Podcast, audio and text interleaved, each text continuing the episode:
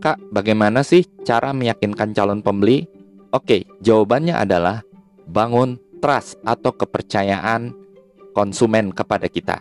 Berikut ini ada empat tahapan bagaimana membangun trust yang dimulai dari awareness atau pembeli tahu, kemudian understanding, pembeli mulai paham, belief, pembeli mulai percaya, dan baru akhirnya terjadi action atau pembelian. Oke, kita bahas satu persatu. Yang pertama adalah awareness pembeli tahu. Di tahap awal ini, konsumen baru sebatas tahu aja. Bisa tahu tentang personal branding kita, bisa juga tahu tentang produk kita. Nah, si calon pembeli biasanya tahu tentang kita dari berbagai macam promosi yang kita lakukan. Bisa melalui media offline maupun media online.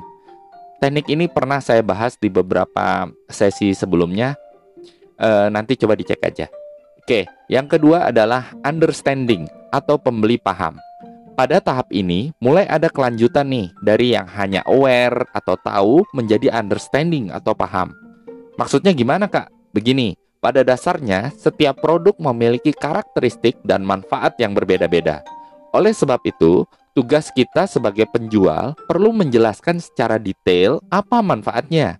Cara ini bisa dilakukan dengan memberikan edukasi tentang manfaat dan kelebihan dari produk yang dijual. Oke, tahap yang ketiga, belief, pembeli percaya. Pada tahap ini, pada dasarnya si pembeli sudah tahu nih dan paham tentang kegunaan, manfaat, dan kelebihan produknya. Yang perlu dilakukan pada tahap ini adalah memberikan bukti-bukti yang menguatkan agar si pembeli percaya dengan produk yang kakak jual.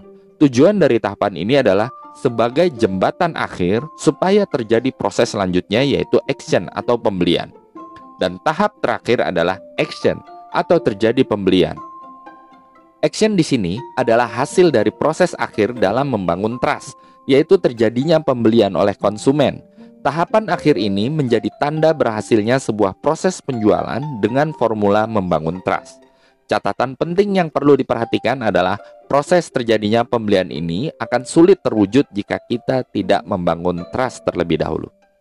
Oke, demikian. Assalamualaikum warahmatullahi wabarakatuh.